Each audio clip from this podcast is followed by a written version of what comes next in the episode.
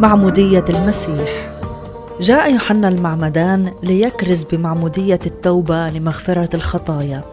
لقد كان صوت صارخ في البرية يعد الطريق أمام مجيء المسيح. كانت رسالة يوحنا المعمدان واضحة ومحددة. كان يدعو الناس للتوبة والرجوع عن الخطية. وكتعبير عن ذلك كان الشعب يأتي ليعتمد من يوحنا المعمدان في نهر الأردن. ولنهر الأردن أهمية خاصة في حياة الشعب اليهودي.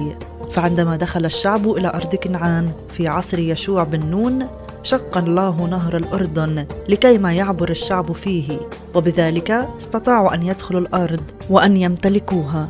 والجدير بالذكر أن نهر الأردن هو النهر الوحيد في العالم الذي يقع تحت مستوى سطح البحر فهو يبدأ من بحيرة طبرية وينتهي في البحر الميت.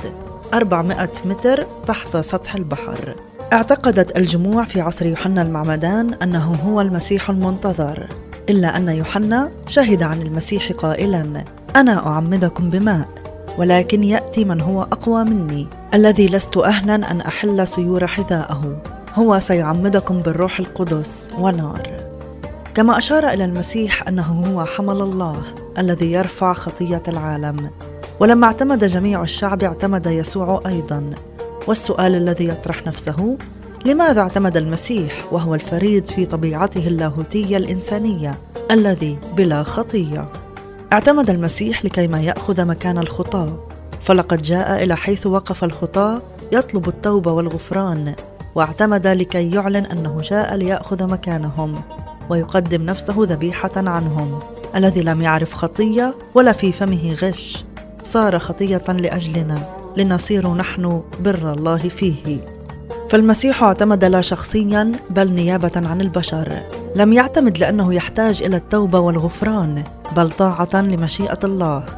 لم يعتمد اضطرارا بل اختيارا. وإذ كان يصلي انفتحت السماء ونزل عليه الروح القدس بهيئة جسمية مثل حمامة. وكان صوت من السماء قائلا أنت ابن الحبيب بك سررت. المسيح لم يكن يصلي طلبا للغفران لكن كان في شركة مع الآب لتتميم مشيئة الله. ولذلك جاء تأكيد الله لإرساليته. فالروح القدس يرمز هنا لرسالة السلام التي جاء المسيح ليقدمها لأنه هو سلامنا الذي صالحنا مع الله. والروح القدس هو أيضا مصدر القوة الذي رافق المسيح في كل أيام تجسده. والآب يؤكد أنت ابني الحبيب بك سررت. للمعمودية أهمية خاصة لأنها ترمز لعمل المسيح الكفاري الذي مات وأقيم من أجل تبريرنا. إنها تعبير عن الموت والقيامة مع المسيح. إنها بداية عهد لحياة التكريس والقداسة مع الله. إننا كل من اعتمد ليسوع المسيح اعتمدنا لموته فدفنا معه بالمعمودية للموت كما أقيم المسيح من الأموات بمجد الآب. هكذا نسلك نحن أيضا في جدة الحياة أي أن نعيش حياة مسيحية مكرسة تليق بدخولنا في عهد لاتباع المسيح والحياة المكرسة له. ومن الطريف أن نلاحظ أنه عندما كان الشعب يعتمد في مياه الأردن كان هذا رمز عن اغتسالهم من الخطية.